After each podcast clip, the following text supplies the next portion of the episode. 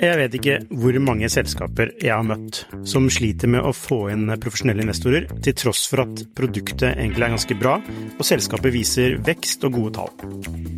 Hvis det er én ting de proffe investorene er på utkikk etter, i tillegg til at du bygger et bra selskap, selvfølgelig, er hvordan du håndterer dine aksjonærer, eller ditt såkalte captable, som det heter på startupsk. Et ødelagt captable setter rett og slett en stopper for selskapsutvikling.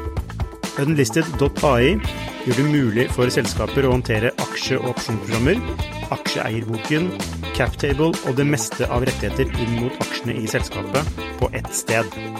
Prøv unlisted.ai sin gratisversjon i dag.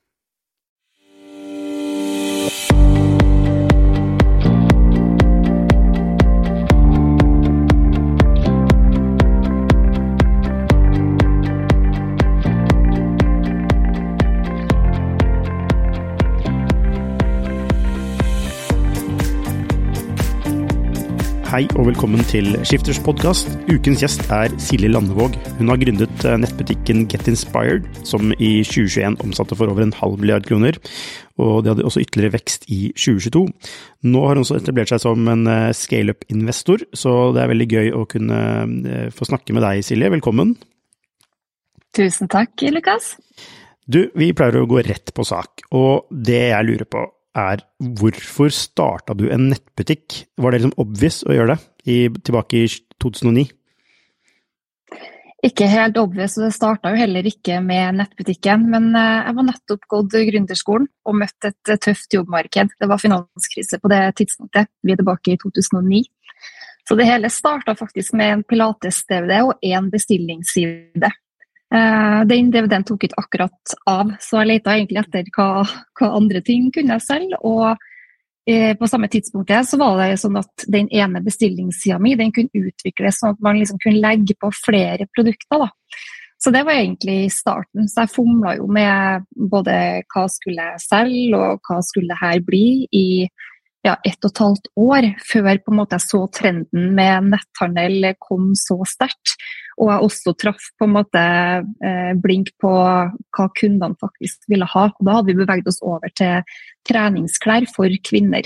Men en pilates-DVD, var det du lagde den, altså filma du deg selv gjøre pilates, og så skulle du selge den? Nei, det var ikke jeg som var med, men jeg hadde to veldig dyktige modeller, eller instruktører til å stille opp. Og så hadde jeg to barndomskompiser som nettopp hadde starta sånn TV-produksjonsselskap. Sheriff TV het de den gangen, som på en måte da hjalp meg med å, å produsere den. Ok, Så du, da, du lagde en Pilates-DVD, og så hvorfor trodde du at det skulle ta helt av? Jeg jeg hadde egentlig sånn semitrua på ideen, men hvis vi spoler tida tilbake, når jeg gikk på gründerskolen, så var jeg utplassert i Shanghai, og der var det dårlig med treningsfasiliteter. Eh, og jeg har alltid vært glad i liksom, å trene på treningsstudio eller ta meg en løpetur i parken, men eh, det var, det var ikke så veldig mange parker å, å, springe i som var i nærheten. Og treningsstudier var det heller eh, var det også lite av. da. Så akkurat i den tida så trente vi mye til sånne DVD-er. da, altså vi er tilbake til DVD-tida ja, ja. Eh, på rommet. Og så var det litt sånn ja ja, det her funker jo helt greit som et substitutt. Så når jeg da kom tilbake, så, når du, og når du har gått gründerskolen, så er du veldig sånn Du går konstant og tenker OK, hvilke behov er det i markedet, hva kult kan jeg starte opp? Så um, mens jeg på en måte søkte på alt som var av jobber, markedssjefstilling i Hitramat og salgssjef i Choice, jeg kom jo ikke inn på et eneste intervju engang. Så drev jeg på en måte og øvde meg på å skrive en forretningsplan.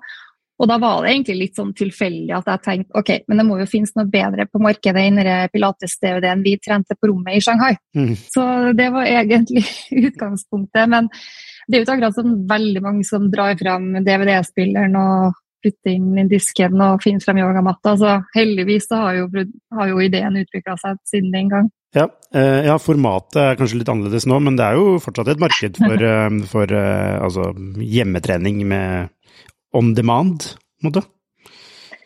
Ja, det er absolutt et marked, men ikke så stort marked som jeg gjerne skulle ha ønska, i hvert fall når jeg starta på den tida. Mm, men du, altså, du sa du gikk på gründerskolen. Så det, det har jo ligget en sånn gründerspire i deg hele tiden. Altså, hvorfor valgte du gründerskolen? Um, både mamma og pappa er gründere, så jeg på en måte vokste opp i et hjem der på en måte de alltid har jobba og stått på og vært kreative. og ja, Det har på en måte gått både opp og ned, så jeg har alltid syntes det har vært spennende med det å på en måte gjøre noe ting sjøl. Men målet var jo egentlig å skaffe seg en jobb, arbeidserfaring, og deretter kanskje tenke på å starte noen ting. Men eh, etter at jeg var ferdig på BI, da hadde jeg som veldig mange andre en bachelor i eh, internasjonal markedsføring. ja. Og havna da i den typiske bachelorbunken. Mm. Og så syns jeg strategi var ekstra spennende. Så på en måte når jeg ble tipsa om at kanskje gründerskolen kan være noe for deg, så tenkte jeg egentlig at jo, men det å lære seg å skrive forretningsplan og jobbe med forretningsutvikling, det er jo nyttig uavhengig om man skal gründe eller om man skal på en måte ha en stilling der man skal utvikle noen ting. Så jeg tenkte at ok, men for å få litt ekstra i bagasjen, så tenkte jeg at det var en god, god idé å ta det, da. Og så er det veldig kjekt at det var et halvtårsstudie istedenfor to skoleår. Mm. For jeg var mest gira på egentlig å komme meg ut i jobb, da. Hvis du da hadde fått jobb slik at du ikke hadde gått på gründerskolen, hadde du starta Get Inspired da? Oi, det er jo mulig å svare på, men jeg tror da at jeg er en sånn typisk kremmer som ikke passer helt inn i en A4-stilling. Så enten har jeg måttet komme eh, hatt en jobb der de bare har sett hun jenta der, hun må vi bare tørre å satse på og la henne få litt frie tøyler. Eller så hadde nok ikke jeg kommet så trivdes, tror jeg. Mm. For uh, det er jo litt sånn uh, Man er jo kanskje en litt sånn en spesiell rase, vi gründere. Ja. Rett å si. Jo, men det er sant det du sier der. Altså, og jeg har lenge tenkt uh, på det selv. At altså, jeg ville aldri fått en direktørstilling i noe som helst sted. altså, det, det, er en sånn Jeg føler at det er en sånn vei for de som er gode på det. og så er det, så er det på, en måte på gründere man liksom, liksom bare lage noe selv. og så er det noen mm. som er mm. flinke til å måte, se folk som kan lage noe selv, da. Eh, men det er sånn, ironisk nok så er det, er det ikke den type folk altså etablerte selskaper trenger mer av fremover?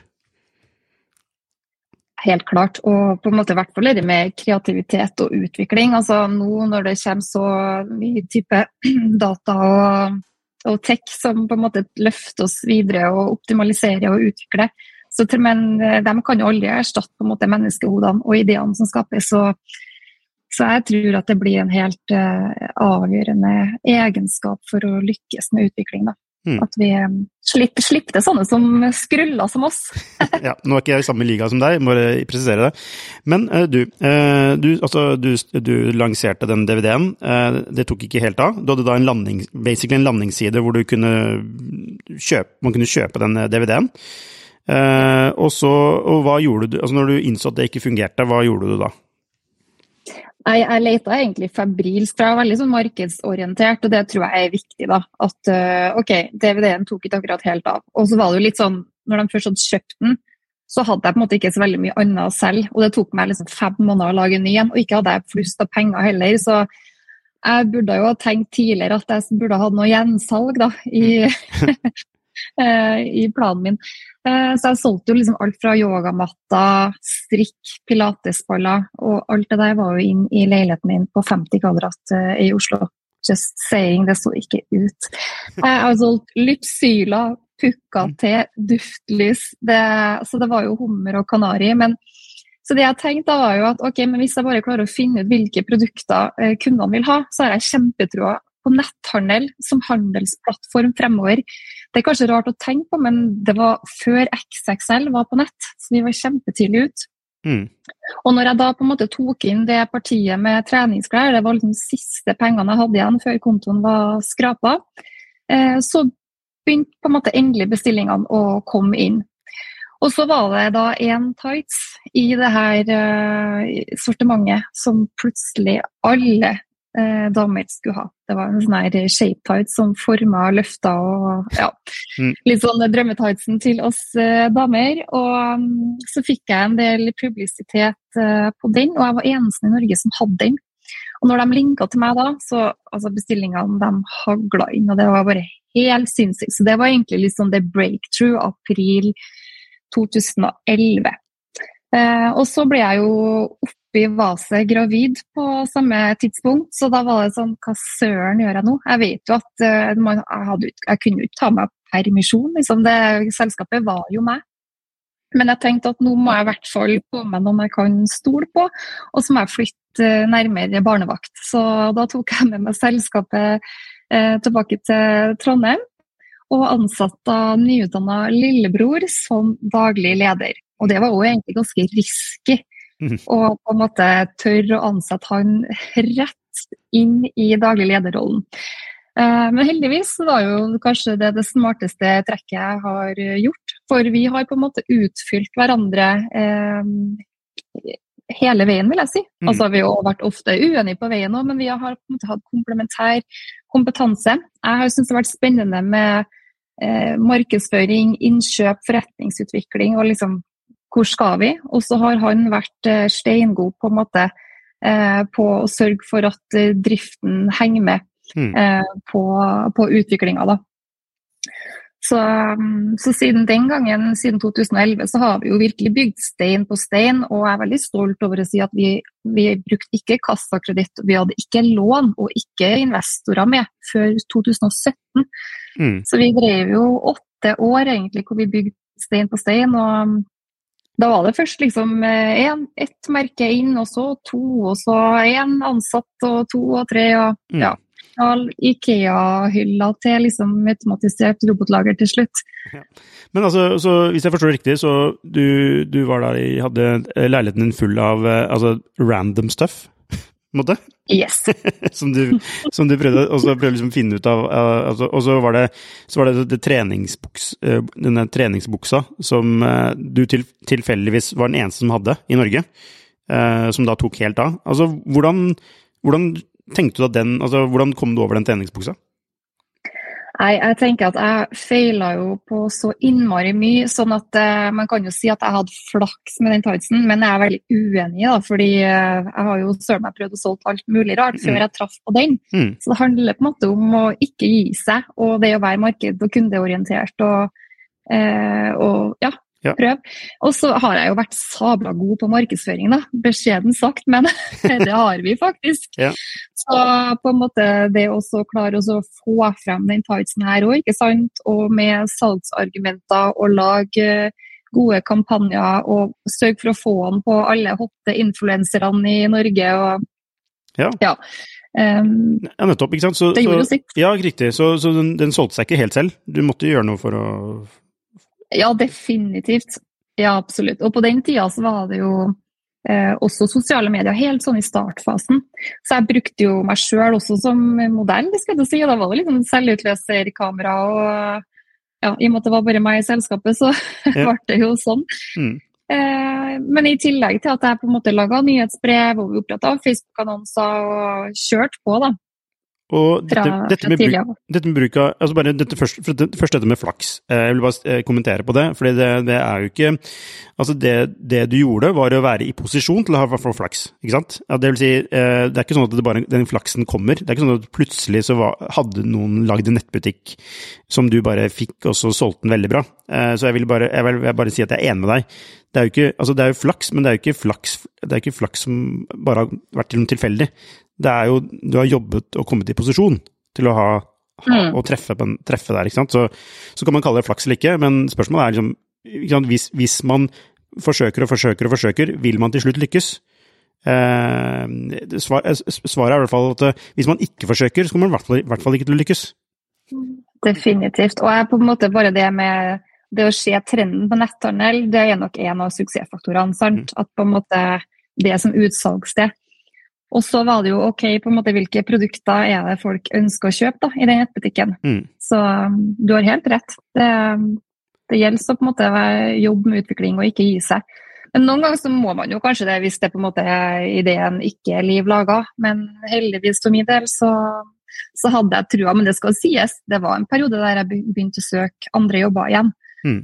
For det begrensa hvor lenge på en måte pengekassa holdt. Og så hadde jeg jo ikke akkurat mulighet til å få med meg investorer på denne hummer- og kanarireisen som det var i starten heller. Blir det riktig å si at man bør ligge på en slags underliggende stor trend? Ikke sant? Som er fra, ja, blir riktig å si at det, det, er en forutsetning, at du må treffe på det. Og så er jo måte, hva som treffer på toppen, er, kan være litt sånn tilfeldig, men at det, man må liksom ha tro på en slags underliggende altså massiv trend, da. Uh, umiddelbare svaret mitt er ja, og så finnes det alltid unntak. Men for vår del så har jo det å treffe på trend vært helt avgjørende for vekst. ikke sant? Først så treffer man på denne tightsen, men så senere så treffer vi på roseulla til Kari Tråd, som vi solgte i bøtta og spann av. ikke sant? Og vi traff på eh, sneaker-trenden, og plutselig alle skulle ha sneakers tilbake i tid.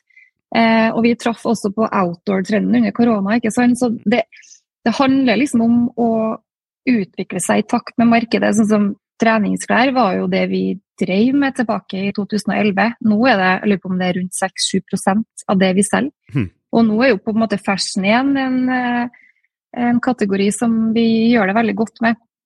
Så det handler hele tida om hva er det på en måte markedet vil ha nå, og gjøre seg relevant. Ja, men er det nettopp det som er Get Inspired sin altså oppskrift til suksess? At dere er flinke på litt før de andre å finne ut av hva er det markedet vil ha? Eh, ja, jeg tror det på en måte har vært salgsdrivende. Men så hjelper det ikke å drive salg hvis du ikke leverer på på eh, det rundt. Da. Mm. Så vi har på en måte vært gode til å jobbe med hele verdikjeden på, vi har vært kjempegode på kundeservice, vi har hatt kjempefokus på lager, logistikk, gode systemer, eh, rekruttering. Sant? Så den der, det sammensatte som jeg vil si er suksessfaktoren. Eh, for det hjelper liksom ikke å selge mye hvis du ikke klarer å levere. Da blir det med det ene salget. Ja, ikke sant. Eller så blir det bare som en sil. Eh, altså, de, eh, altså, du får kunder inn, mm. men de, altså, de, kommer aldri tilbake. Eh, men, men altså, hvis du på en måte Vi kan jo snakke litt om akkurat det der, da. Liksom grunnbestanddelene i en god nettbutikk. Altså, man må jo evne å få inn kundene, ikke sant. Som er da, virker som det er din spesialitet. Uh, among other, other things. Men, men det å klare å skape engasjement som gjør at kundene kommer, det er en viktig del. Er du, er du ikke enig, eller? Helt, helt, klart, fordi vi har jo på en måte ikke en butikk du går forbi. Så vi er jo nødt til å hele tida gjøre oss relevant og jobbe med synlighet.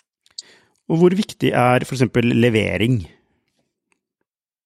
Det er helt avgjørende, for i hvert fall sånn som i dag, da, mm. så har jo kundene blitt så vant til at netthandel er smooth.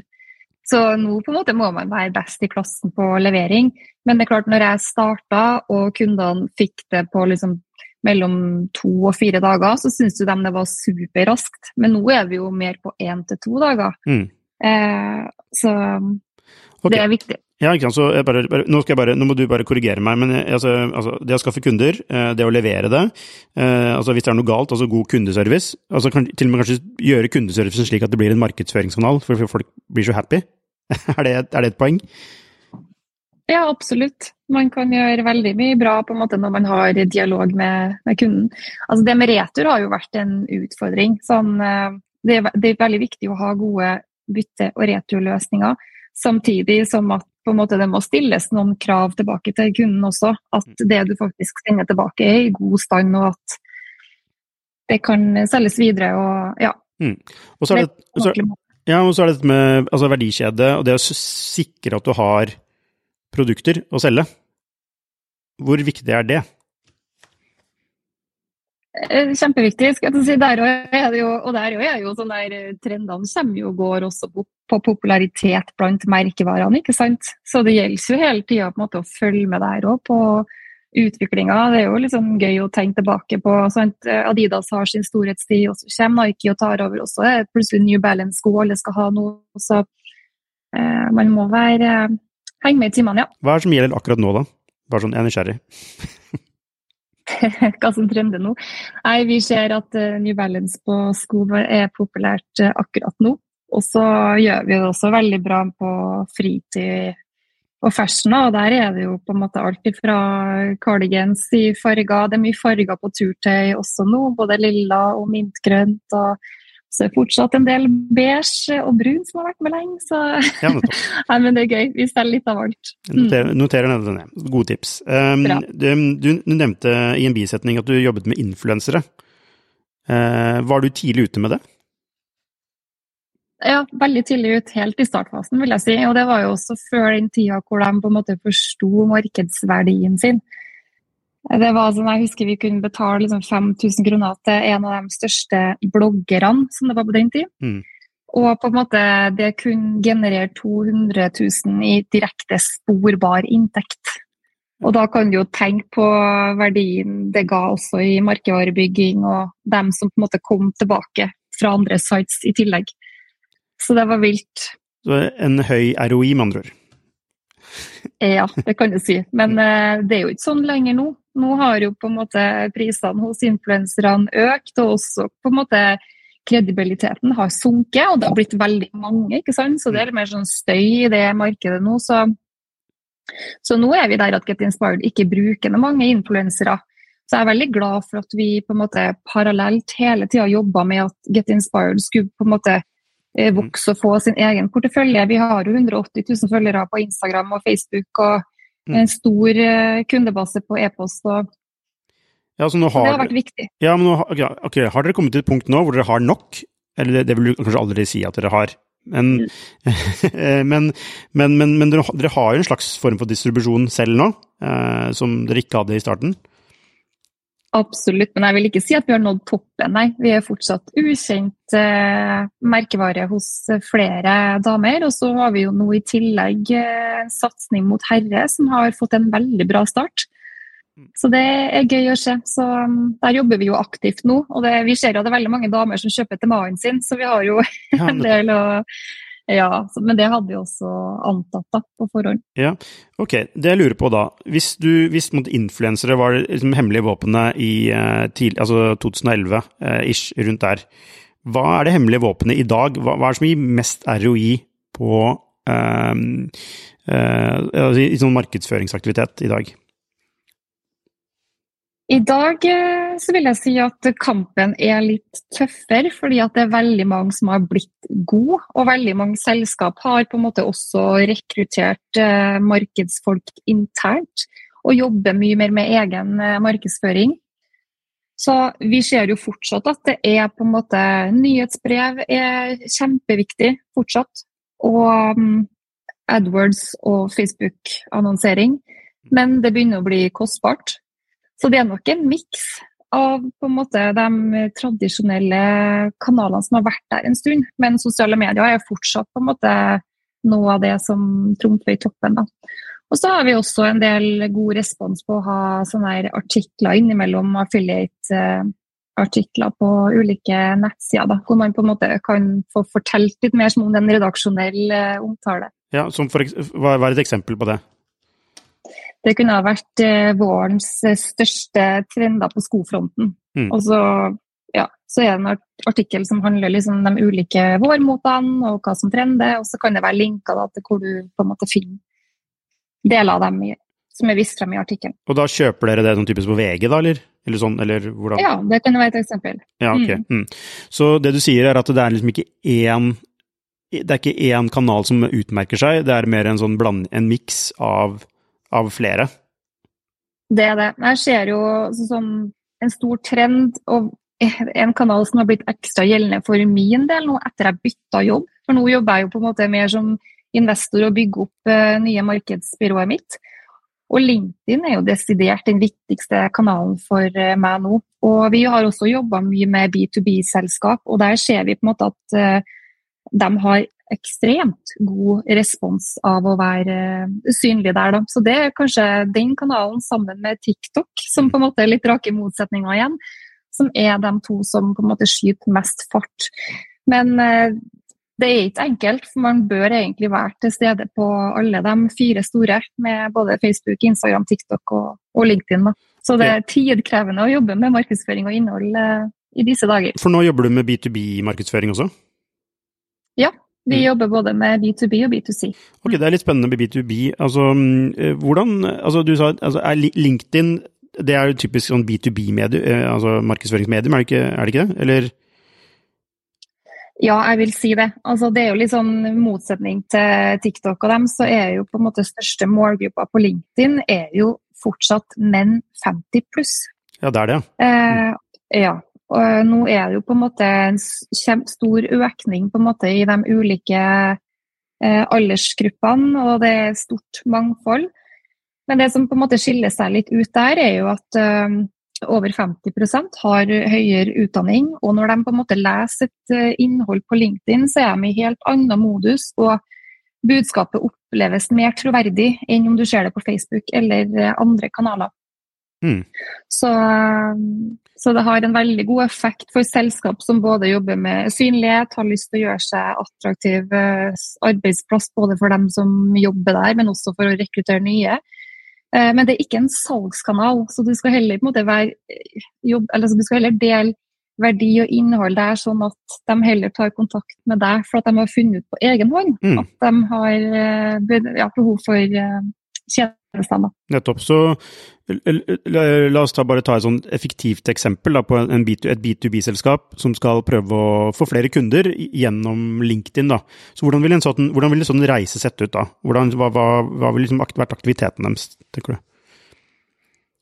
Eh, vi holder jo en del sånne workshops med ulike selskaper. Vi har bl.a. nettopp hatt det med BDO i Midt-Norge her. og Da vi jo, ja, var vi et team med både fra advokat, revisjon, økonomi og HR. Eh, og da hadde vi på en måte først en intro med liksom eh, hvordan er LinkedIn, hva funker, hvilke type innhold inspirerer, og hva lurer algoritmene osv. Og så er jo kanskje det viktigste delen er jo at vi på en måte lager en kommunikasjonsstrategi. For man må på en måte ha en, et mål med å være der. Og eh, så ser vi at det er åtte ganger mer spredning når en person deler et innlegg enn når en bedrift. Så i teamet på BDO for eksempel, så jobber vi jo med hver enkelt. Ok, hva skal Ingjerd dele på vegne av advokat, ikke sant? Mm. Og så har vi gjerne da sånn, tre bokser, eh, tre kategorier, som hus deler innhold fra. F.eks. arbeidshverdagen. Det kan være uh, nytt fra advokatbransjen. Uh, ja, og hvordan det er å være kvinnelig leder, f.eks. Hun er også styreleder i BDO. Mm. Og så um, ja, og under der da, så lager vi da på en måte OK, det her kan være verdifullt å dele fra hennes konto. Og så gjør vi egentlig det med hele teamet.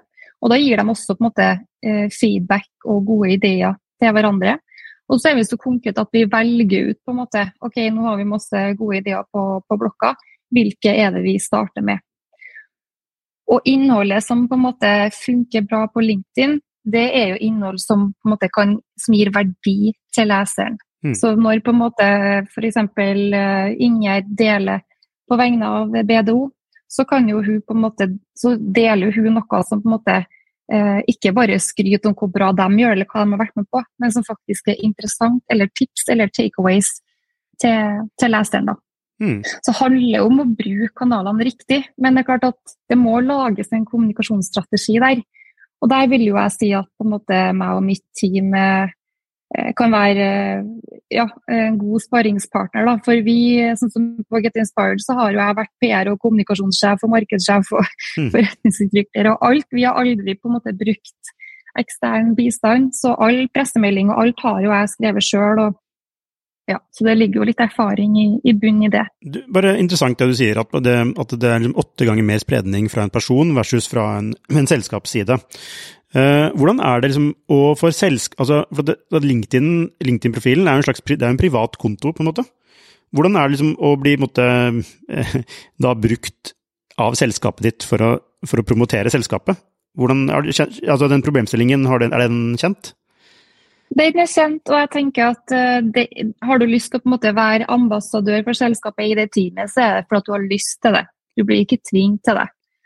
Så, men heldigvis er det jo veldig mange som er stolt av arbeidsplassene sine. Og det er jo også deres vinning ikke sant, at selskapet, selskapet går bra. Så de har lyst til å bidra, og så mm. syns de det er spennende. Og så er jo også folk har forstått at det med personlig branding er viktig. Så det er jo på en måte en dobbel effekt. Du på en måte, ja, du prater på vegne av eh, selskapet, men du brander jo også deg sjøl mm. på en veldig positiv måte ved å ja, være synlig på, på, LinkedIn. da. Men La oss si da, jeg hører på deg, jeg lager en strategi, lager innhold, og så deler jeg det innholdet på LinkedIn. Eh, hva skjer? Hvordan, liksom, hvordan, det, hvordan, går man fra det til på måte, slag på kassa? da? Det spørs jo hva målet ditt eh, er, da. Om det er Altså, du kan jo måle i antall henvendelser på salg, f.eks. Mm. Det vil du jo. Sånn som for min del så får jeg jo veldig mye henvendelser på Alt fra foredrag til forespørsler om kule selskap å investere i, ikke sant. Jeg får veldig mange som har lyst til å delta på LinkedIn-kursene våre, eller som ønsker at vi bistår på å lage markedsstrategi, kommunikasjonsstrategi, markedsplan. Mm. Har lyst til å jobbe for oss. Så um, jeg har kjemperespons av å være synlig på, på LinkedIn. Ok, Så for det jeg egentlig spør om, bør det være en tydelig vei til en bestilling, eller bør det være mer sånn at uh, man, man, bygger, uh, man, bygger, en slags sånn thought leadership da, på eh, området, og så, og så må liksom folk liksom finne ut selv hvordan de kommer i kontakt med deg? Eh, for det er, det, er liksom, det er, en sånn forskjell på de to tingene. Ja. Eh, Nei, no, no, det er et veldig godt spørsmål, fordi nå sier man jo at man ikke skal ha en tydelig call to action. Da blir folk bare sånn åh, jeg gidder ikke at du skal selge meg noen ting. Mm. Så heller på en måte tenk og tørr at du ikke skal ha en for tydelig call to action på LinkedIn, men heller bare ha på en måte noe vettrygt å komme med. Mm. Og så tør å ha is i magen på at uh, de faktisk da tar kontakt. Så det er jo litt sånn når du jobber med markedsføring, så kan du jo tenke at på, en måte, på noen kanaler så er man mer push og noen pull. LinkedIn er nok en typisk pull-kanal, vil jeg si.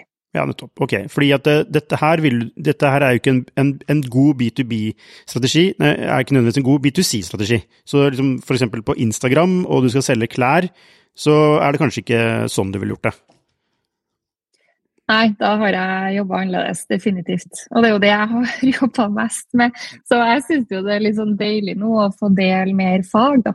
Mm. Og jeg, jeg, har det jo så utrolig spennende om dagen og på en måte med den nye jobben min at det er veldig gøy å på en måte ha litt annen hatt og eh, ja, henvende meg til en litt annen bransje. Så um, det er veldig lærerikt. Jeg utvikler meg veldig hver eneste dag nå, føler jeg. Altså, Du har jo et sinnssykt fortrinn, og du er jo den konsulenten som jeg ikke klarer å kritisere. For jeg, altså, jeg har ofte kritisert konsulenter fordi de har liksom ikke gjort det sjøl.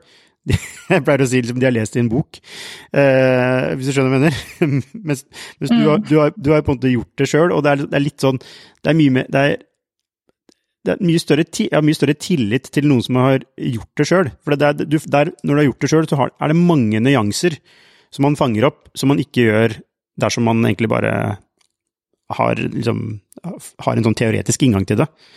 Eh, ser du det, poenget? Ja, veldig. Og spesielt eh, behovene på en måte i oppstart og vekstselskap. Fordi man har ikke tid til å gå til et byrå som skal ha på en måte en eh, kjempeomfattende prosess til en kjempehøy pris. Mm. Så det er liksom, jeg tror det med å forstå at OK, vi trenger hjelp, eh, men vi er nødt til å komme i gang nå. Ja. Og det å på en måte lage lettbeinte strategier hvor man også på en måte får jobba mens man uh, utarbeider planen, ikke sant, og er, er, på vei og har fart. Og det er liksom need to nice to, og tør å skille at OK, det her er faktisk det vi trenger å ha på plass nå, og så kjør på, da. Så det skiller nok på en måte oss også fra andre byråer som gjerne vil være veldig omstendige, så klarer vi mer å forstå faktisk behovet til selskapene og springe sammen med dem. Mm. Men være en trygg hånd og en bauta i form av å ha, på en måte, lage en god eh, strategi og plan. Ja. Um, vi skal snakke litt mer om, den, altså, um, om, uh, in, altså investeringer og, og, gjennom byrået etc. Uh, men jeg er bare litt sånn nysgjerrig tilbake til det du sa om, om vekst. Og da du nevnte lillebroren din, og at dere utfylte hverandre. Um, hvor viktig er det? Helt avgjørende. Sånn, fordi du kommer jo et stykke alene, men du har ikke sjanse til å bli stor. Så du er på en måte nødt til å ha med deg noen som, eh, ja, som du både har tillit til, og som på en måte kan utfylle deg på kompetanse. Så tror jeg òg det er viktig hvilken type personlighet du har med deg. Mm. At du på en måte ikke bare er ja-mennesker, men at du også på en måte, kanskje er to ja og én nei, da, hvis du er en trio. For uh, det er liksom viktig å ha den som uh, stopper opp. Hei, det kan godt være vi kjører, men vi er nødt til å sjekke av uh, noen ting først. At du har på en måte den personen med også, ha, er viktig, da. Du må ha i hvert fall en som gasser og en som bremser? Ja, det er den beste komboen, tenker jeg. Ok, Hvorfor det? Men ikke, ikke, ikke sånn superbrems, hvis du skjønner. Men mer en sånn fornuftig brems med at man bare trekker pusten. Nei, fordi det, det, er klart at uh, man er jo gira, og man er ivrig, og man er bare er sulten, og man springer. Og i hvert fall for min del så kunne jeg ønska at døgnet hadde flere timer, for jeg har lyst til å jobbe mer. ikke sant? Jeg elsker å jobbe, det er mm. hobbyen min. Så jeg må jo på en måte bremse meg sjøl fra å rett og slett ikke jobbe for mye. da. Mm. Tvinge meg til å legge bort Mac-en. Men det er klart, jeg kan jo sette meg på en fredagskveld og kose meg med Mac-en og kosejobbe, som jeg sier, for at jeg syns det er gøy. da. Men jeg tror at det er fort gjort at, eh, at man bare kjører på, og så glemmer man litt på en måte målet og milepælene som skal nås. Og at man også kan ta kanskje noen feilbeslutninger hvis man ikke har liksom vurdert dem godt nok. Så man trenger på en måte noen som uh, trekker pusten sammen med. Ja, um, fordi altså, er liksom strategi Er det liksom litt sånn derre kjedelig for en gründer, uh, fordi det er så fast Altså, du man må ha det for å liksom gå i en retning. Samtidig elsker jo gründere å gjøre alt. Men strategi handler jo om å velge bort noe du virkelig har lyst til å gjøre, fordi du skal gjøre noe annet. Så uh, er inne på noe der?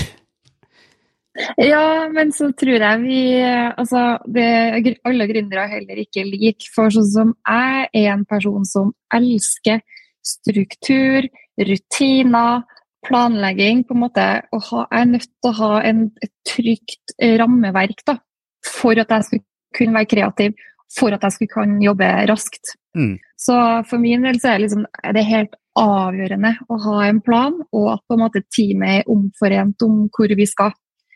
Eh, og så kan vi springe. Og så må vi liksom stoppe opp underveis og sjekke av ok, eh, målet er fortsatt det, men kanskje må vi endre veien dit litt. Mm. Eh, ja. Og så har man tatt en status, og så ringer man videre. Dette er jo, du, nå, dette er jo lærebok, eh, læreboka. ikke sant? Du setter, du setter, noen strukturer som sikrer en retning på kreativiteten. Uh, men var det slik da du starta helt i starten? Ja, faktisk. Jeg vet ikke hvor mange selskaper jeg har møtt som sliter med å få inn profesjonelle investorer, til tross for at produktet egentlig er ganske bra, og selskapet viser vekst og gode tall. Hvis det er én ting de proffe investorene er på utkikk etter, i tillegg til at du bygger et bra selskap, selvfølgelig, er hvordan du håndterer dine aksjonærer, eller ditt såkalte captable, som det heter på startupsk. Et ødelagt captable setter rett og slett en stopper for selskapsutvikling. Unlisted.ai gjør det mulig for selskaper å håndtere aksje- og opsjonsprogrammer, aksjeeierboken, captable og det meste av rettigheter inn mot aksjene i selskapet på ett sted. Prøv unlisted.ai sin gratisversjon i dag. Og jeg er så glad for at jeg gikk gründerskolen, fordi der, de var så tydelige på at du er nødt til å skrive denne planen før du begynner. Det halve jobben det er jo faktisk ta deg tid til å skrive forretningsplanen. Og den trenger ikke å være superomfattende, den kan være fem sider. Men den på en måte tvinger deg gjennom på en måte det du bør tenke over før du går i gang. Mm. Så ja, jeg har vært eh, god på å starte med plan egentlig på alle prosjektene jeg har uh, gått i gang med. Ja.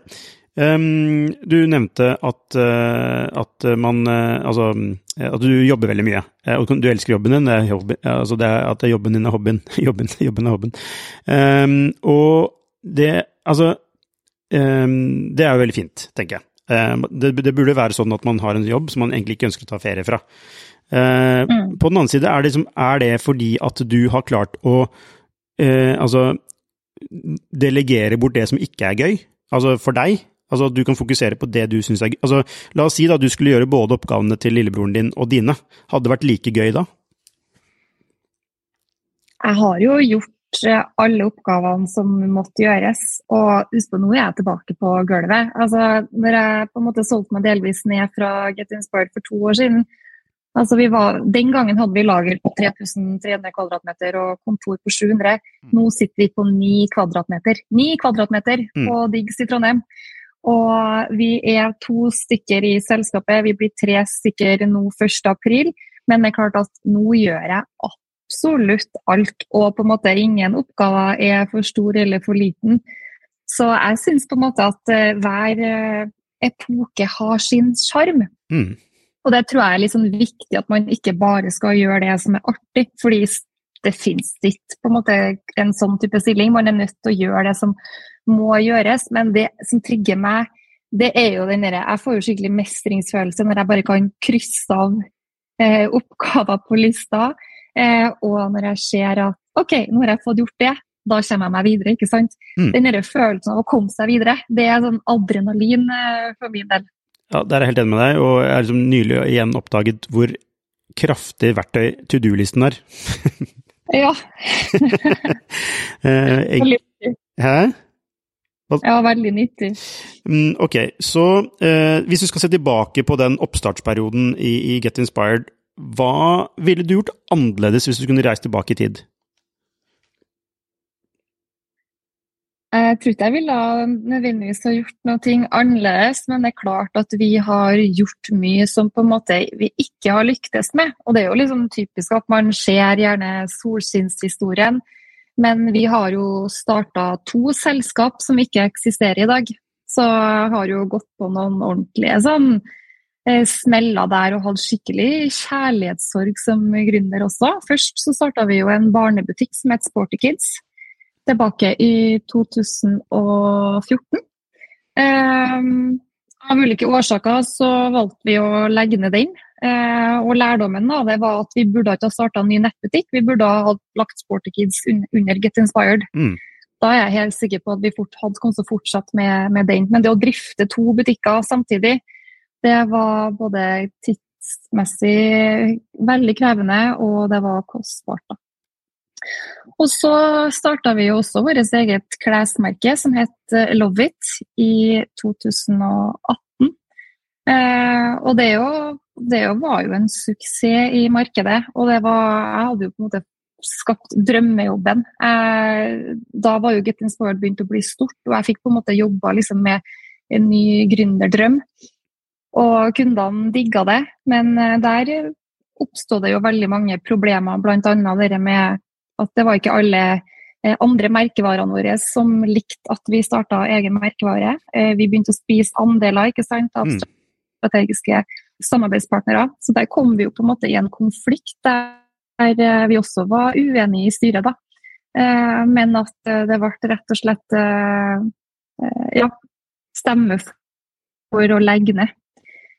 Og det var, det var, brutalt for min del. Og det er jo ikke noe jeg har på en måte snakka så mye om heller. Jeg har skrevet en del om det i boka mi. Jeg ga jo ut bok nå, 'Våge, vinne og vokse', rett før jul. Så der har jeg egentlig beskrevet mer av, av den delen. Men eh, det er sånn når du på en måte kjenner det i, i brystet i et år mm. Eh, så det var, det var ordentlig tøft.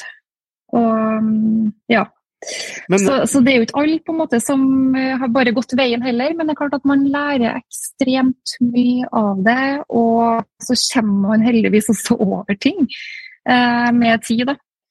Så, men hva lærte ja, du? Altså, siste, altså, altså, jo, det, er jo ja, for du nevnte altså på første at du, lærte at hvis man skulle lansert altså kids, Sporty Kids, så ville det vært uh, smartere å gjøre det under Get Inspired. Så du ikke må liksom bygge en ny infrastruktur og nytt, alt sammen på nytt, når egentlig du har egentlig basically samme målgruppe eh, som er på Get Inspired. Eh, men andre, eh, det andre produktet, altså den Love It, hva lærte dere Hva lærte du av det? Fordi altså det, det, en, det var en suksess, og, men, men problemet var egentlig mer sånn at det hadde en strategisk innvirkning på den, altså på eksisterende business ved at du fornærma noen av leverandørene. Så hva, hva lærte, lærte dere at det altså For det er, det er jo nettbutikker som gjør det, som har egne merkevarer. Eh, mm. altså Du har alt fra Miller ja, til så, jeg så Helt klart. Jeg så ikke at den kom, nettopp fordi at eh, det du sier, alle nettbutikker har sin egen merkevare. Eh, men det er klart at vi klarte å bygge en merkevare og ikke bare et varemerke. Og vi klarte å bygge det ganske raskt. Så um, det ble nok på en måte dessverre sett på som en konkurrent hos en del viktige samarbeidspartnere. En annen ting er jo at det å starte et klesmerke er jo en helt annen forretningsmodell enn å drive nettbutikk. Så det er jo krevende for organisasjonen også. Eh, å få ekstraoppgaver eh, og utvikle noe som du på en måte ikke har gjort før.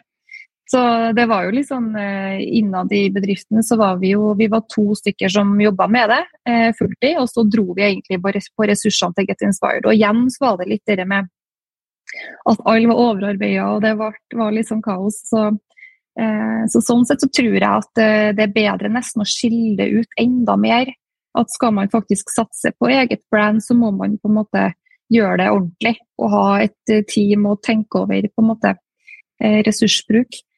Lærdom nummer tre det handler jo kanskje mer om å, at noen ganger så må du bare akseptere. Det er ikke noen ting du får gjort noe med ting. Og for min del, så jeg hadde jo kommet til å starte det her på nytt, og jeg hadde ikke kommet til å gi meg. Sant? Jeg hadde kommet til å turt å ta risikoen eh, på at eh, det, her, eh, det, her, velger vi å stå i. Eh, men når det ble som det ble, da, så kan man jo på en måte også være etterpåklok og si at kanskje burde ikke jeg solgt så store deler av aksjene mine, for hadde jeg hatt majoritet, jeg hadde jo 47,7 den gangen, hadde jeg hatt 50, så hadde jeg kanskje kunnet stått i det, ikke sant. Mm. Men um, også tenker jeg det å være bitter, det gagner i hvert fall ingen. Så noen ganger må man akseptere at ting blir som det blir, og på en måte tilbake ha fokus igjen på Get Inspired, som på en måte har vært en fantastisk reise. Men ingen reiser, verken jobb eller privat, på en måte er uten uh, hiccups. Så, så, det var på en måte det var, det var, brutalt, rett og slett. Mm. Men så var det også en erfaring som har gjort mye med meg, da. Det, og jeg tenker også alle disse erfaringene her tar jeg jo også med meg inn som investor nå når vi går inn i selskap ikke sant, og skal jobbe med vekst og utvikling. Så har jeg jo stått i ekstremt mange situasjoner som kan være grei å, å tenke over før man uh, bare hiver seg ut i ting. Da. Men blir det ekstra tøft når det er altså, dette med at det er familie involvert? Ja, det gjør det. Mm. Helt klart.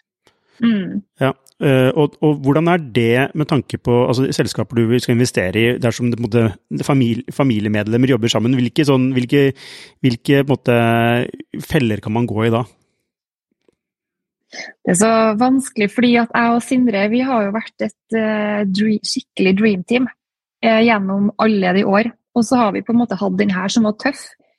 Men jeg har jo fortsatt uh, ville hatt den samme reisen med han. Mm.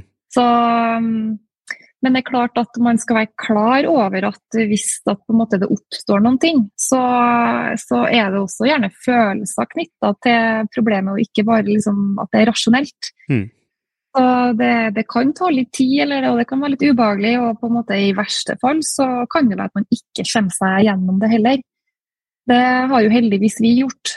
Så vi har jo et veldig godt forhold i dag, og vi sitter jo sammen i styret. og Get Inspired går jo som ei kule. og altså, Jeg kunne ikke ha gleda meg mer over situasjonen, men man skal være klar over hva man gjør da, når man velger å starte sammen med sine nærmeste. Det er en risiko knytta til det. Mm, men du, love it. Er det for seint? Liksom, kunne du startet opp nå, på utesiden? Åh, jeg vet ikke helt, jeg, Lukas. Um, jeg har jo aldri klart å slippe det helt. Nei, jeg ser det på deg. nei, ja. Nei, det Fordi den, det der var no, Sometimes you have to kill your darlings, sa de på gründerskolen, men akkurat den der skulle jeg vært foruten. altså, ja, men det skjønner jeg kjempegodt, for det, du har lagd et produkt som funker. Altså, det er jo altså, mm. mange, mange gründere prøver jo og får det aldri til. Og så har du liksom først med Get Inspire og nå med dette andre produktet, og så får du, og så får du på en måte ikke lov å fullføre det. Det, det, må, det må være tøft å akseptere, det skjønner jeg.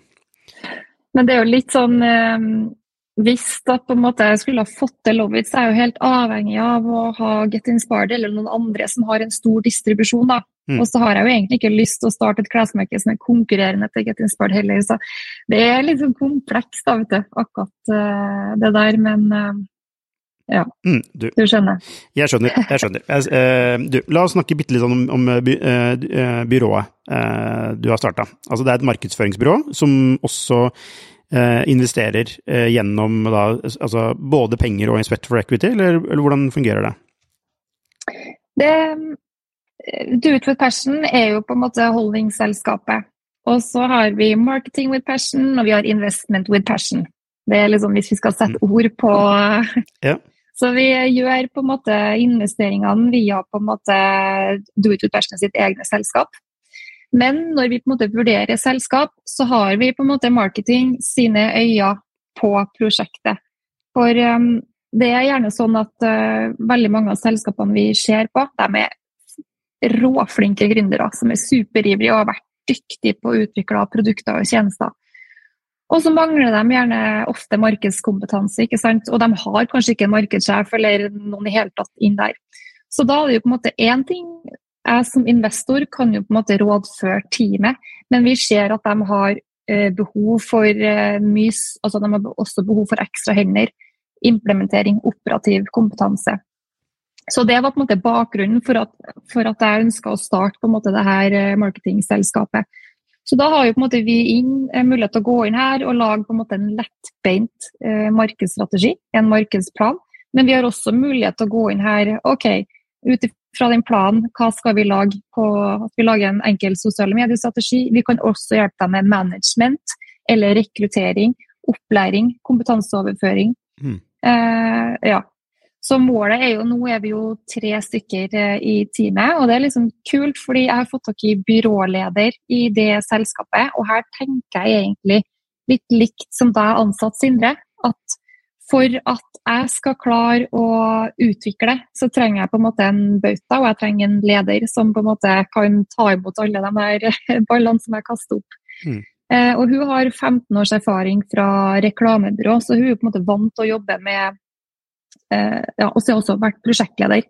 Og det å på en måte kan evne å faktisk ta tak i prosjektene og holde dem og sørge for gjennomføring, er viktig. Så, og så holder vi også på å rekruttere nye i selskapet. Så jeg er sikker på at i løpet av året her så blir vi kanskje fire-fem, og totalt skal vi bli maks sju eller åtte i marketingselskapet. da. Okay. Så, Men er det sånn at mm. dere kun Eh, det er kun invest, altså jobber med investering, altså porteføljeselskap, eller gjør, gjør For du, du, sa dere hadde oppdrag for BDO, blant annet.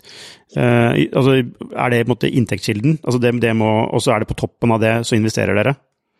Tiden deres? Ja, fordi så, så, eh, vi er jo i oppstartsfasen med investeringene. ikke sant? Så nå har vi jo på en måte investert i fire selskap, og det er ikke nok behov til at på en måte vi kan utvikle et stort markedsbyrå enda. Eh, så Derfor har vi på en måte sagt at vi jobber med familie og venner. Um, og i den venneporteføljen så er det BDO, for dem har jeg på en måte hatt et tett uh, samarbeid med gjennom mange år. Vi har også jobba en del med Reitan.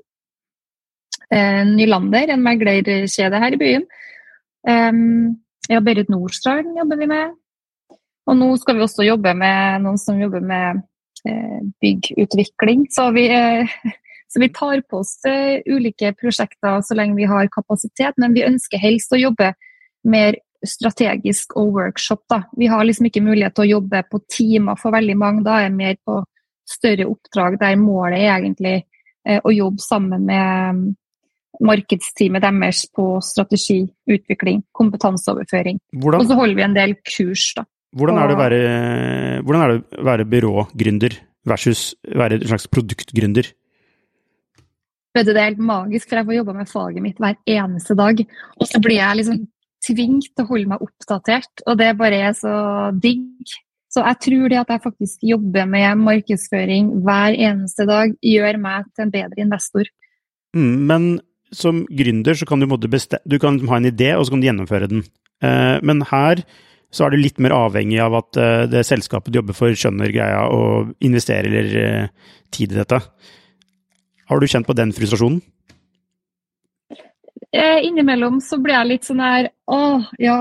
Fordi noen ganger så Ja, jeg gjør jo det. Og det kan spesielt også være på selskap som jeg Eh, kanskje syns kan bli litt gnien da, og ha for liten forståelse for at de faktisk trenger å markedsføre produktene sine for å komme seg til next level.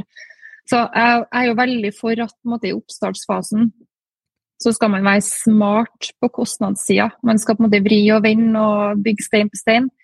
Men for å klare å vokse Eh, når selskapet måte, går over i en ny fase, så trenger de kompetanse inn. Og flinkere folk koster mer penger enn en som du bare kan lære opp.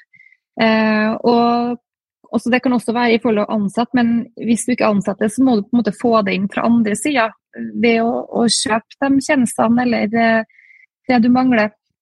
Og det er jeg heldigvis glad for, for vi fikk jo inn på en måte Salvesen og Tam som investor i 2017. Og det var ikke bare for at vi trengte pengene, vi hadde egentlig klart oss sjøl, men vi så at vi trengte kompetanse. Og når de kom inn, så var de sånn Vi er nødt til å få på plass den og den og den ressursen. Ja, det koster penger, men det er helt avgjørende for å få til vekst. Mm. Så um, noen ganger så tenker jeg at jeg møter jo på en måte personer som kanskje ikke har fått den forståelsen ennå. At uh, Mm. Og så er det jo det å ha kompetanse på eiersiden i styret, det gir oss en trygghet på at ting er riktig å gjøre. Det er, det er veldig vanskelig å stå der alene som gründer og mene noe, eh, og det er, veldig, det er, veldig, fint å ha den, den, backingen i ryggen da, på at dette bør gjøres. Så. Absolutt. Og så kan det jo ta litt tid sant, når du, fra du har laga en strategi, og det er gjerne også den mesteparten av kostnadene er i starten, sånn som det med alt det å få laga den strategien og planen, det er tidkrevende, men det er også helt avgjørende for å lykkes. Så du må på en måte ha litt is i magen på at uh, det kan ta noen måneder før du ser direkte return on investment i, i andre enden. Da. Ikke sant.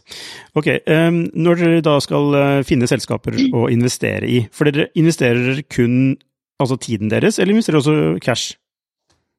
Vi investerer cash, ja. Mm. Og mm. hva slags selskaper er du på utkikk etter? Eh, nå er jeg jo på en måte i en oppstartsfase sjøl og har lagt meg på en måte på en sånn her eh, medium til lav risiko, vil jeg si. Eh, litt for at jeg, har gitt meg sjøl en fem års trainee-periode nå som investor. Mm. Husk at jeg har jo markeds, markedsføringsbakgrunn, så jeg er på en måte veldig sånn ydmyk på at jeg går inn i finansbransjen her og trenger å på en måte lære å tilføre kompetanse. Heldigvis har jeg på en måte et godt team å sette på som hjelper meg å vurdere case. da. Men det, for å komme tilbake til spørsmålet, så er det vekstselskap som har et team på plass, og som har behov for markedskompetanse. Og jeg vil heller være en liten eier av noe stort. Og veldig gjerne co-investere sammen med andre med kompletær kompetanse. Så akkurat nå så ser jeg på veldig mange selskap sammen med Whisky Capital f.eks. Eh, som er gode venner, skal jeg si. Eh, også, så har vi jo også samme Jeg har jo investert i Salvesen og Tams, som er eier av Whisky Capital. Så det er jo på en måte en sånn naturlig eh, ja, ja. relasjon der, da. Whisky, det er vel Øystein uh, Skiri og Gustav Witzøe, er det ikke? Det stemmer, det jo dem som starta. Nå er det jo også Lars og Monica som, eh, som er veldig delaktig i det selskapet. Et fantastisk team å jobbe med. Og så er det liksom, det er kult, for de er tech og de er finans, og det er litt sånn artig miks med min markedskompetanse. Så de hjelper deg med DD-prosessen av selskaper? Eh, nei, vi ser egentlig mer på case sammen. Når jeg gjør en DD-prosess, så har jeg egne folk til det. Ok, så, det, ja. kommer, så, okay, så, så det er både at dere deler, dere deler såkalt deal flow, altså dere deler potensielle caser med, med hverandre og ser på ting sammen, yes. men dere, har du også, mm. separat, har du også har du, separate caser som ikke Whisky er med på? Ja, så som jeg har jo også investert i Cake It Easy, og der har jeg jo gått inn alene. Um, så det og så har vi nettopp investert i Favourite sammen, da.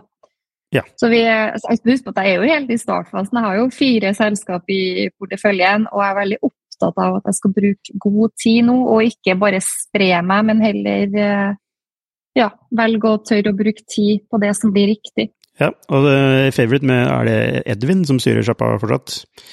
Ja, det stemmer. Han er en mm. uh, dyktig og sjarmerende fyr. Uh, så det, det, bringer meg til spørsmålet hvordan Altså, hvordan, altså hva, hva, er det som deg, hva er det som imponerer deg i, hos Altså, hva er det som, hva er det som trigger deg? Det må være energien, på en måte, i, i menneskene, skal jeg si. Altså, det må være en passion der. Og så må de være gode på å kommunisere, syns jeg. Altså, jeg må forstå tvert produktet. Eh, hvilke behov i markedet løser man? Hvordan har man tenkt å vokse, og hvordan skal man få det til? Og, ja, så jeg tenker liksom at man har en tydelig pitch er veldig viktig for å få et godt førsteinntrykk. For det handler jo egentlig måte, om å skape et godt førsteinntrykk. For du får du først på en måte satt deg ned og brukt mer tid, så kan man jo på en måte gå mer inn i ting. Så jeg syns jo at det faktisk er verdt å på en måte trene seg, skulle jeg si, om det er foran speilet eller uh, bare i stua her, på å ha en veldig god ja, intro da, når man skal presentere seg. Elevator pitch, den må liksom komme på rams. Og så er det fint med noen slides, altså ordentlige powerpoint-slides, mm. hvor det ikke er masse tall og matriser. Altså, det må gjerne være det også, men liksom to the point og lett forståelig. Det syns jeg er en fin start. da. Og så kan man få mer når eh, man velger å gå videre. Så det er litt sånn, egentlig litt sånn keep it simple, Uh, og, og kommunisere tydelig. Liksom, det må være superenkelt å forstå den pitchen. Uh, og så er det litt sånn kjemi. At du føler, du føler at vedkommende er god til å kommunisere. Ergo klarer sikkert å få ansatt flinke folk, uh, klarer å få inn andre investorer etc. Altså for, så for deg så er kommunikasjon en sånn kjernekompetanse i første møte. Absolutt. Mm. Og så tenker jeg at um, de må ha gjort en research på hvem de prater med. Altså, jeg, jeg må jo få en følelse av at vi trenger Silje i teamet. Vi trenger markedskompetansen. For Hvis at jeg bare er liksom nummer 20 på lista man prater med, da er det liksom uinteressant. Mm. Så, det være, så, det å tenke at det må være folk som er ute etter eh, smarte penger. Og så blir jeg veldig fascinert over, eh, over selskap som på en måte har gjennomføringskraft. Så når jeg har møter, så sitter jeg alltid og noterer. Og så selskapet jeg på en måte går videre med, sier at vi har en oppfølgingssamtale om eh, to-tre måneder. Eller, eh, og da spør jeg hva har dere tenkt å få på plass eh, innen den tid. Og da har jeg notert det og garantert at jeg følger opp på en måte om de KPI-ene er, er nådd. Så altså, alle kan være flinke med ord, men det handler om gjennomføring. Så det er det som skiller på en måte dem som lykkes og ikke. Så, Rett og slett. Så du gir dem en slags sånn case-oppgave, du? Eller sånn ja, eh, jeg, Voks selskapet Nei, men jeg kan, ja, jeg kan si liksom hvor mange kunder tror dere at dere har klart å fått på plass eh, i løpet av en tremånedersperiode, og hvordan bør omsetninga være på en måte da, og eh, ja, dere skulle rekruttere i teamet, hvilken stilling var det, sa du? Så jeg sier jo ikke at jeg noterer, men jeg gjør det. Og så tar jeg noe gjerne frem, fordi en, en, del av måten jeg jobber på, er jo at jeg bruker tid på å bli kjent. Kanskje snakker jeg med et selskap som er et år eller to for tidlig, men det å på en måte bruke tid sammen eh, kan være veldig nyttig. da. For da kan det jo på en måte være at på neste tidspunkt når man skal hente penger, så er vi en bedre match. Og da har det vært fint for meg også å kunne følge selskapet og blitt litt kjent. da. Så, jeg har jo ekstremt, eller jeg har ikke ekstremt, men jeg har en del case som jeg bare å, har så lyst til å gå inn i. Og så må jeg tørre å være tro mot uh, kriteriene at ok, det er litt for tidlig fase.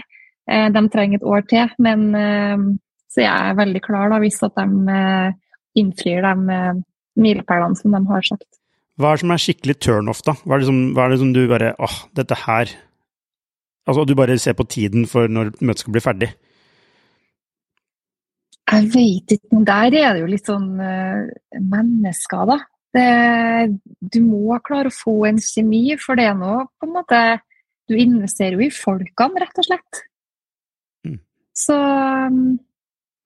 jeg, Ja, det er viktig, tenker jeg da. Ok, Så det er egentlig bare det er, altså, det er en slags kjemifølelse som enten er der, eller som ikke er der? Er det litt sånn? Ja, altså, nå skal ikke jeg på en måte bare si det, for jeg har jo også veldig mange førstegangsmøter på Teams.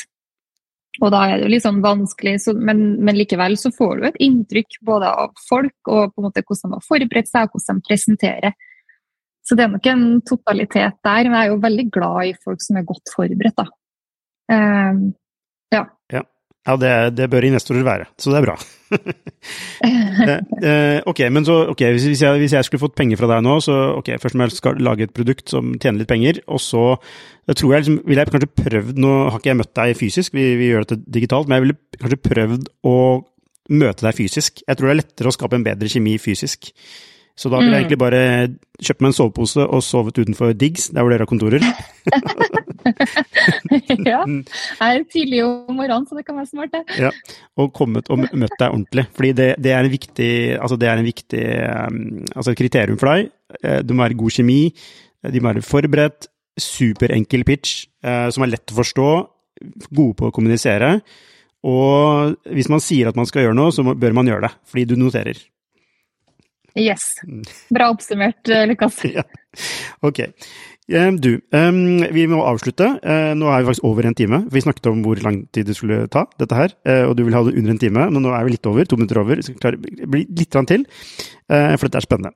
men du, helt til slutt så lurer jeg på Hvis du skal gi noen tips til andre gründere som kommer etter deg i løypa, som er sånn ty type av karakteren som er sånn derre Åh, hadde jeg gjort dette her? Dette er sånn Hvis det er noe jeg har lært i den reisen, så for guds skyld gjør det på den måten. Hva slags sånn tips vil du gitt da? Jeg ville ha starta med den forretningsplanen. Ta deg tid til å skrive den. Og så ville jeg vært eh, veldig kunde- og markedsfokusert.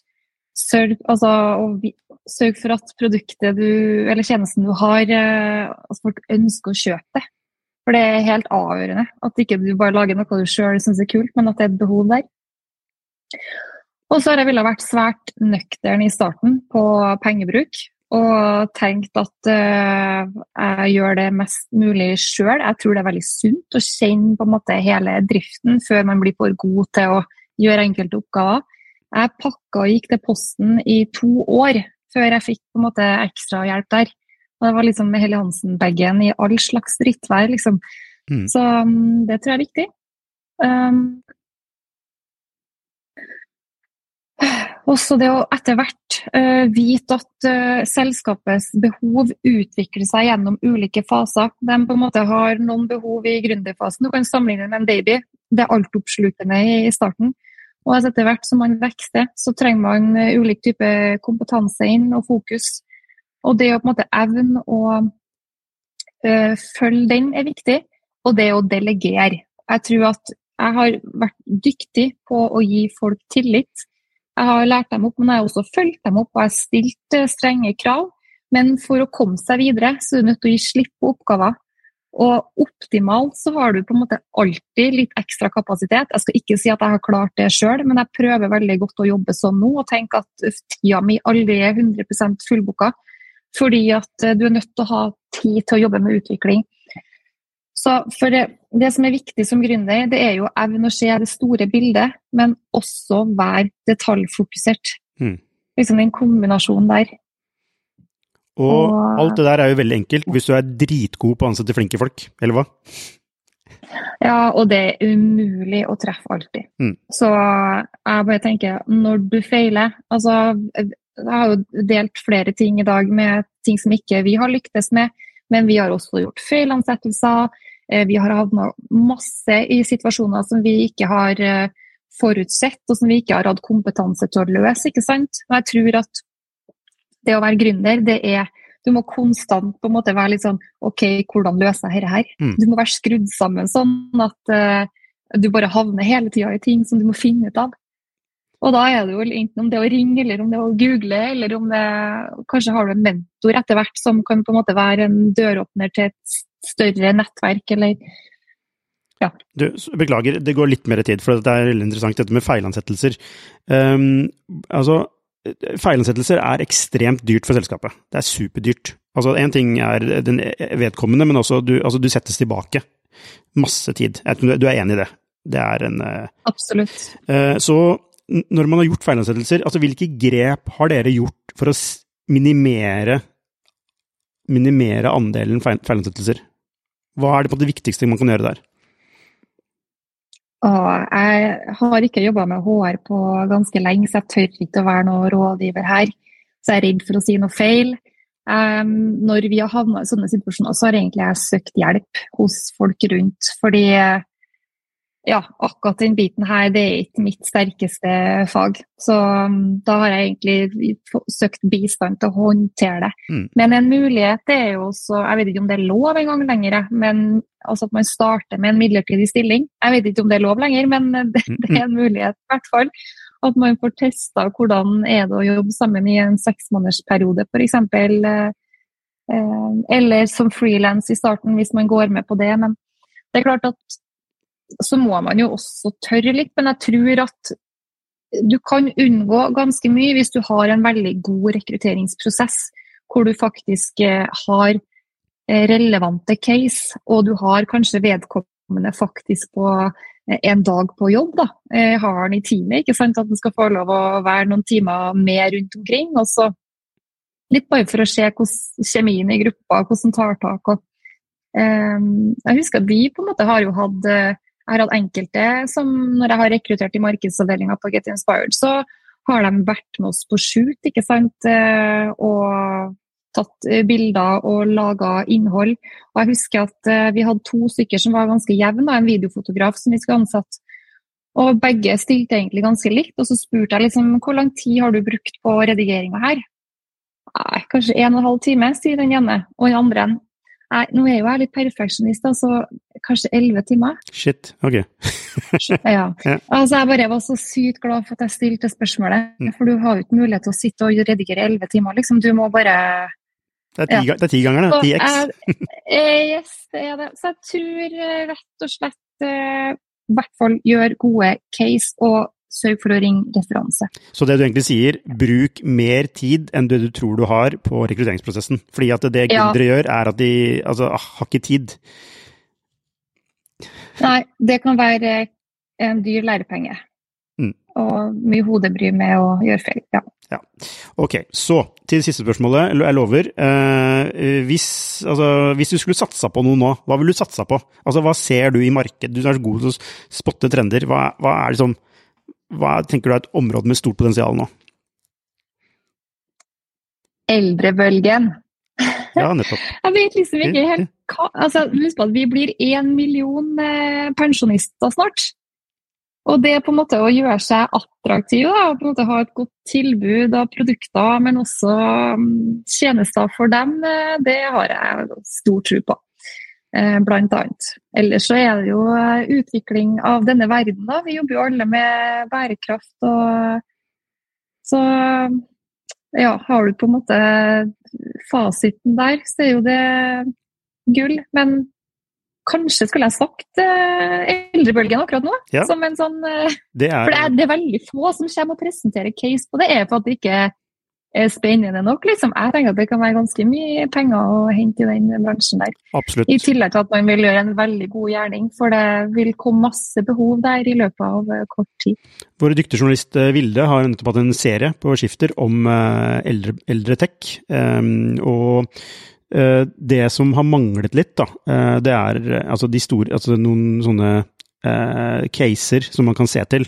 De har mangla de gode eksemplene. Men det tror man kommer snart. Og så er det noe med eldre at det er ofte, i hvert fall i Norge, så er det ofte inn mot, inn mot det offentlige, da, som også er ganske krevende ofte. At liksom ha det offentlige som kunde. Mm. Men eh, det betyr ikke at det ikke er et enormt potensial, for det, det er det jo. Uh, og det er derfor vi også har skrevet om det. Men så hvis man har en eldretech-startup, så bør man uh, snakke med deg.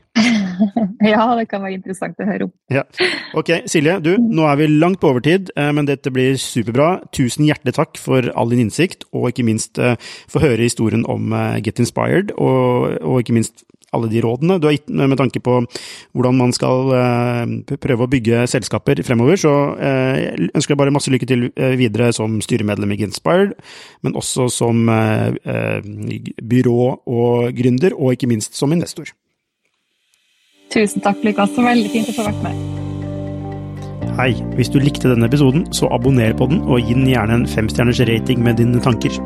Hvis du er interessert i temaene vi tar opp på denne podkasten, så anbefaler jeg deg å gå inn på skifter.no, og hvis du mener vi fortjener det, så kan du gjerne støtte oss ved å abonnere på Skifter.